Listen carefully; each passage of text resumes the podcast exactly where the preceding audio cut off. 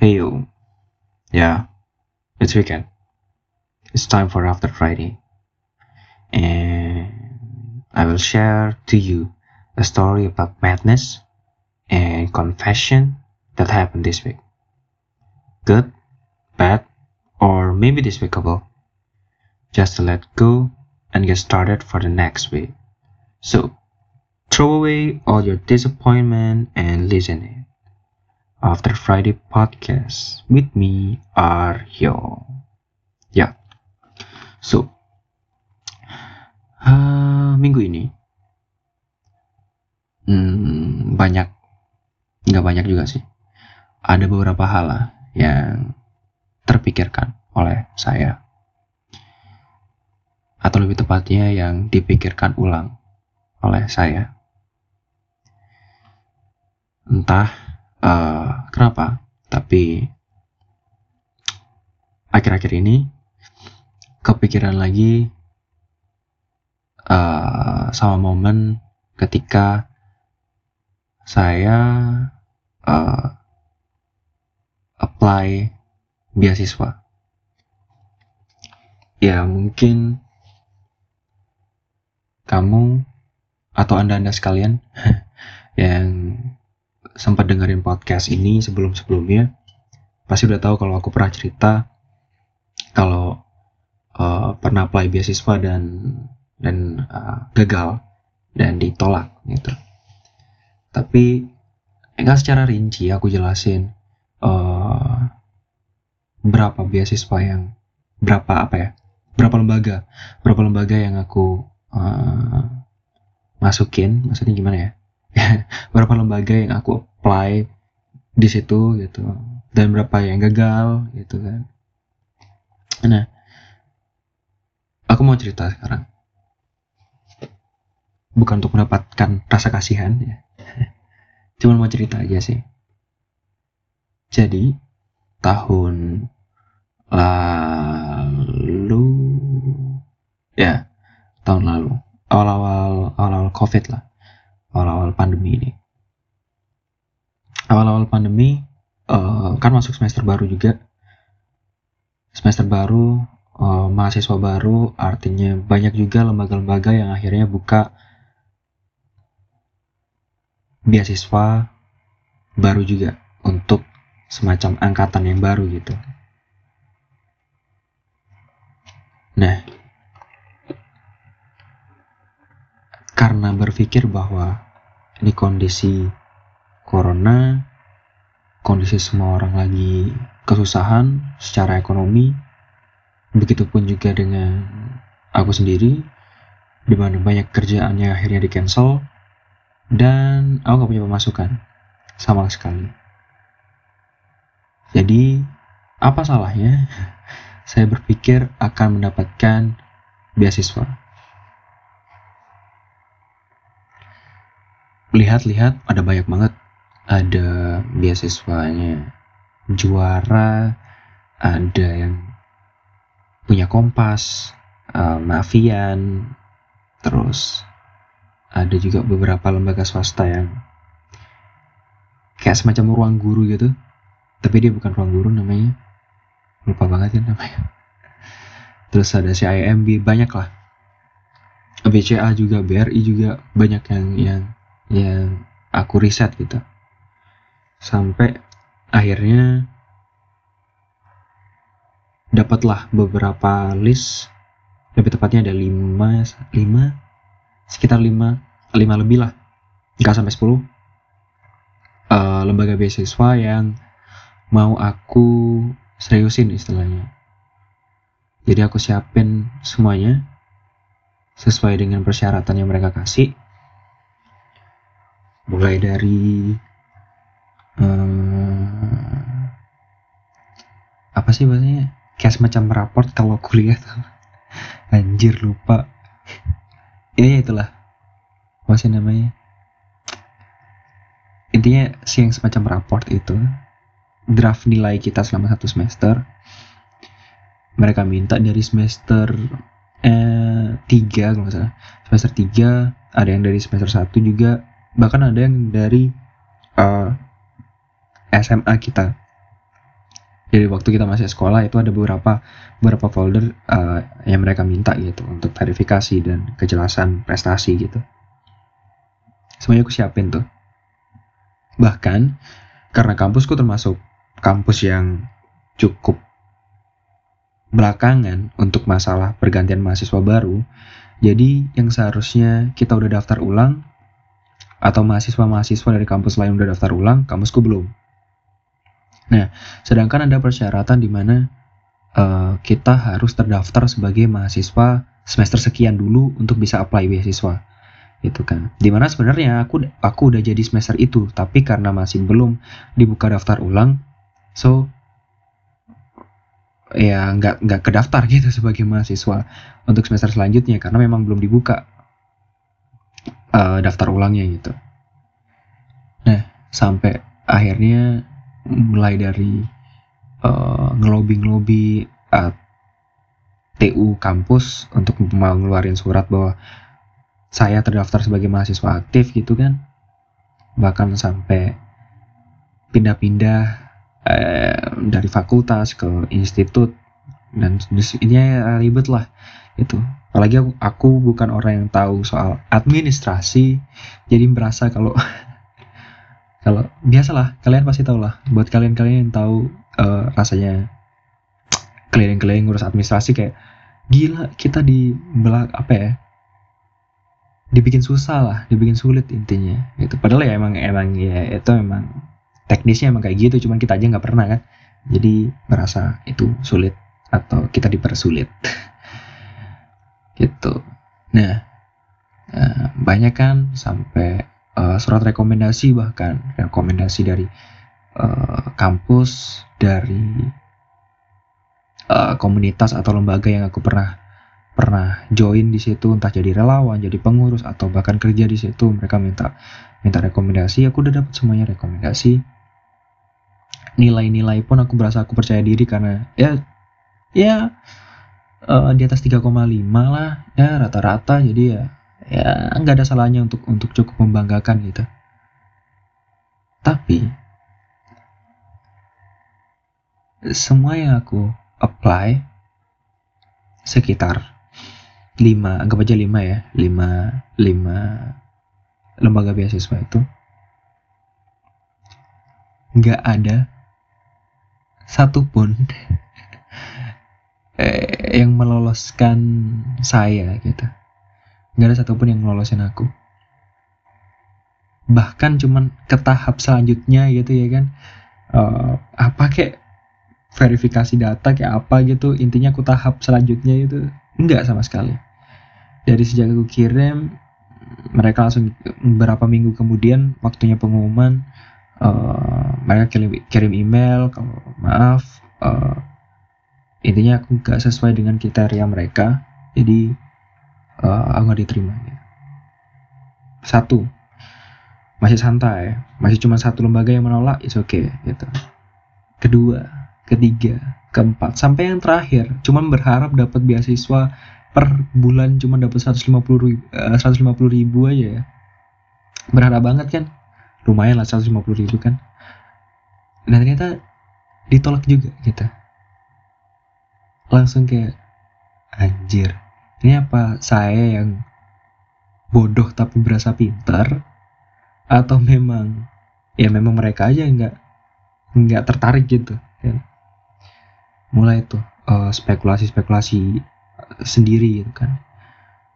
Uh, mulai dari apa nilai nggak cukup gitu atau mungkin kampusku yang yang namanya nggak dikenal gitu kan. Kan biasanya ada banyak lembaga-lembaga beasiswa yang udah jalin apa ya jalin kerjasama lah dengan satu kampus gitu kan. Jadi uh, mahasiswa mahasiswanya bisa lebih gampang gitu untuk untuk daftar beasiswa di situ. Kepikiran kayak gitu kan. Tapi saya pikir enggak juga sih. Maksudnya kampusku juga enggak se seterbelakang itu gitu kan. Uh, masih nggak nggak mungkin lah kalau cuman karena itu terus apakah karena jurusanku gitu? Karena kan setiap lihat uh, beasiswa gitu kan ada syarat dan ketentuan gitu. Ditujukan untuk uh, mahasiswa sarjana S1 eh sorry mahasiswa S1 terus uh, semester berapa ya gitu kan? Biasanya semester 1, 2, 3, 4, 5 atau menyelesaikan berapa semester dulu. Terus yang mengambil program studi. Nah ini aku takutnya. Biasanya kan program studi khusus-khusus gitu kan kayak manajemen bisnis arsitektur teknik sipil um, mungkin ya, ke, ke keuangan atau fisika. Intinya ilmu-ilmu yang kayak gitu tuh ilmu-ilmu pasti itu banyak tuh kan kayak gitu. Perbankan bahkan. Nah, aku curiga apakah karena program studi yang aku ambil gitu kan. Mau bagaimanapun meskipun aku bilang aku desain interior lebih dekat sama arsitektur atau teknik sipil gitu kan. Tapi ya nggak bisa dipungkiri kalau intinya aku adalah uh, jurusanku adalah pengembangan dari seni rupa gitu kan ke desain. Uh, selama aku cari atau selama aku riset tuh nggak pernah ada yang menuliskan beasiswa untuk untuk mahasiswa jurusan seni rupa dan desain gitu. Di Indonesia ya kita nggak bilang untuk beasiswa keluar. Aku yakin kalau beasiswa keluar sih santai aja gitu kan banyak. Cuman untuk di Indonesia sendiri untuk sesama kampus Indonesia dan mau membiayai mahasiswa yang kuliah di jurusan itu aku rasa belum ada.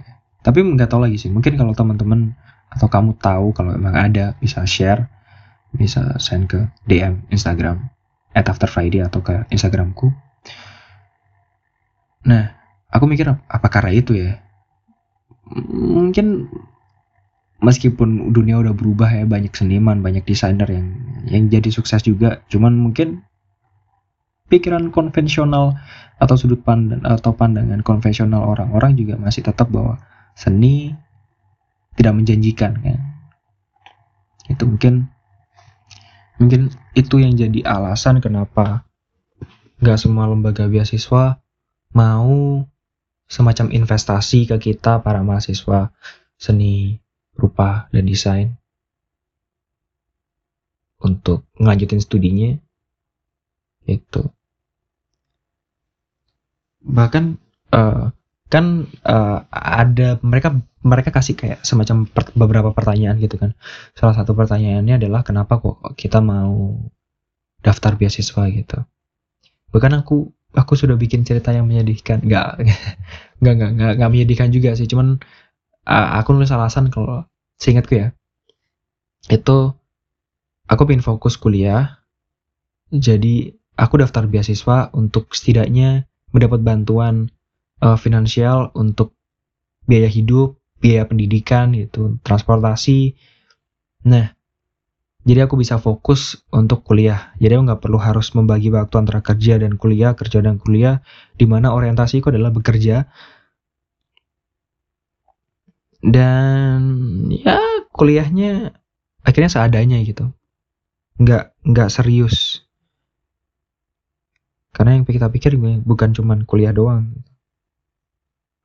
ya kamu yang yang kuliah sambil kerja udah pasti tahu lah gimana susahnya atau gimana menyenangkannya bekerja ketimbang kuliah. Gitu.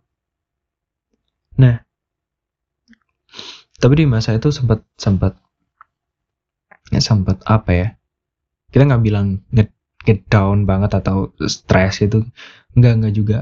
Cuma lebih kayak gila ya ternyata yang aku pikir aku bisa sepintar itu mungkin ya. Ini agak sombong. yang aku pikir aku sepintar itu atau secerdas itu gitu. Ternyata nggak ada apa-apanya gitu. Ternyata gitu. Ternyata nggak ada apa-apanya. Bahkan untuk sekedar daftar beasiswa pun ternyata aku dikalahkan gitu. Dikalahkan ini bukan cuman bukan dengan hanya puluhan orang ya, tapi ratusan orang. Berarti ada banyak ratusan atau ribuan orang yang yang jauh lebih lebih pintar, lebih cerdas dan apa pun itu. Itu poin yang aku mau ceritain, yang aku mau bahas. Di mana ternyata kita gak seberapa kalau dibandingin dengan banyak, banyak, banyak, banyak, banyak orang di luar sana. gimana rasanya gagal jujur mungkin itu sederhana gitu buat buat buat kamu yang mungkin udah sering sering banget um, merasakan kegagalan atau dalam kasus ini eh, kalian apply beasiswa dan gagal apply lagi gagal lagi apply lagi gagal lagi kalian biasa aja ya ya, ya, bagus gitu. Bagus kalian nggak perlu nggak perlu harus melalui masa-masa bilang aja masa-masa lemah lebay ya kan masa-masa di mana kalian terlalu emosional hanya untuk suatu hal yang tidak tercapai. Tapi eh, di situ yang aku mau ngomong kalau aku selalu ingat semua orang pasti ngomong setiap gagal bangkit lagi gagal bangkit lagi. Kamu gagal coba lagi coba lagi coba lagi kayak gitu. Ya iya bener nggak ada salah nggak ada salahnya. Ya itu memang bener gitu kan. Setiap kita jatuh kalau bisa berdiri lagi gitu jatuh berdiri lagi jatuh berdiri lagi. Tapi kenyataannya kan se sesakit itu ketika kamu jatuh gitu. Ketika kamu berdiri pun kamu nggak bisa ngerasa kamu nggak bisa ngelupain rasa sakitmu gitu. Ketika kamu jatuh luka di kakimu ketika kamu berdiri pun ketika kamu berlari pun luka itu akan tetap ada dan terasa sakit dan tetap menjadi penghambat kamu ketika kamu lari. Ketika kamu luka, bisa jadi waktu kamu lari, kamu tetap lari dengan terpincang-pincang gitu. Atau kamu lari dengan darah yang bercucuran dari kakimu gitu. Nah, faktanya, faktanya ketika kita jatuh, tetap ada luka yang gak bakal hilang gitu aja ketika kita bangkit. Orang-orang bilang kalau gagal coba lagi, gagal coba lagi. Seakan-akan ketika gagal tidak ada yang gak ada apa ya, gak ada rasa yang kesimpan gitu ke, ke, ke kita secara emosi. Bahkan banyak orang ada di situasi di mana ketika mereka nggak bangun mereka benar-benar dianggap gagal, gagal segagal-gagalnya gitu. Sebagai manusia atau sebagai anak, sebagai kakak, ketika mereka nggak bisa bangkit lagi.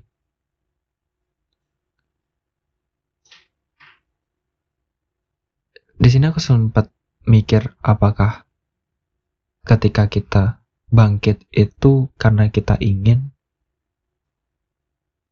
atau karena kita terpaksa aja sih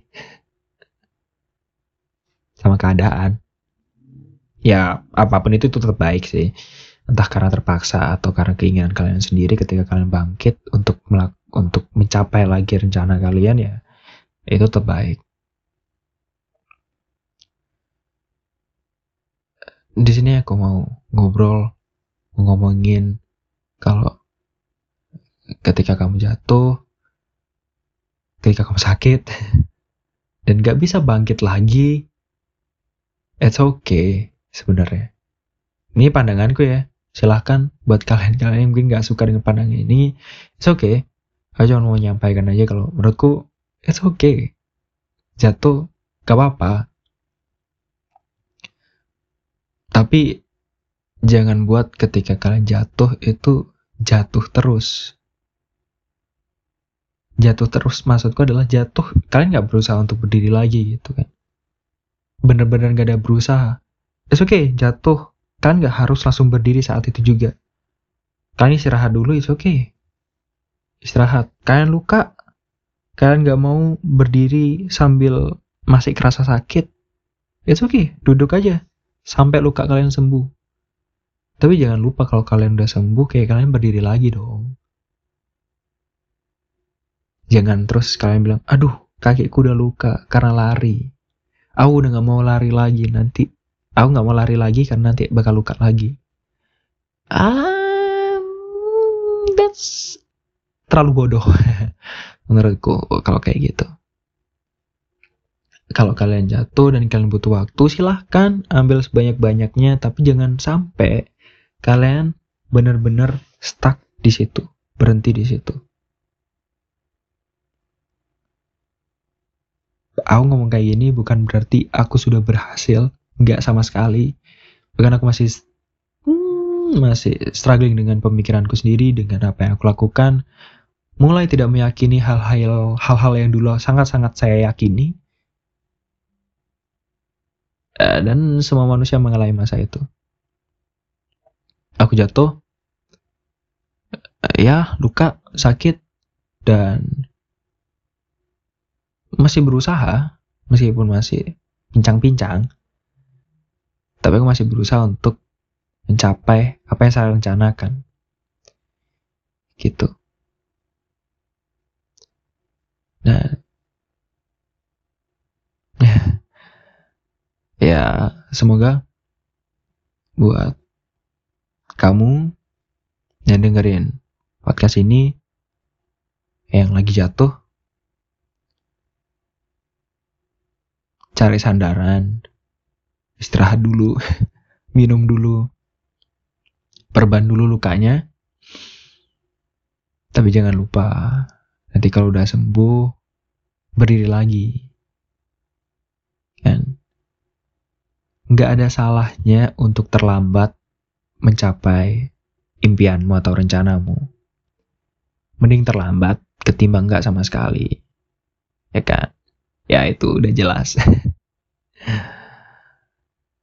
so that's it.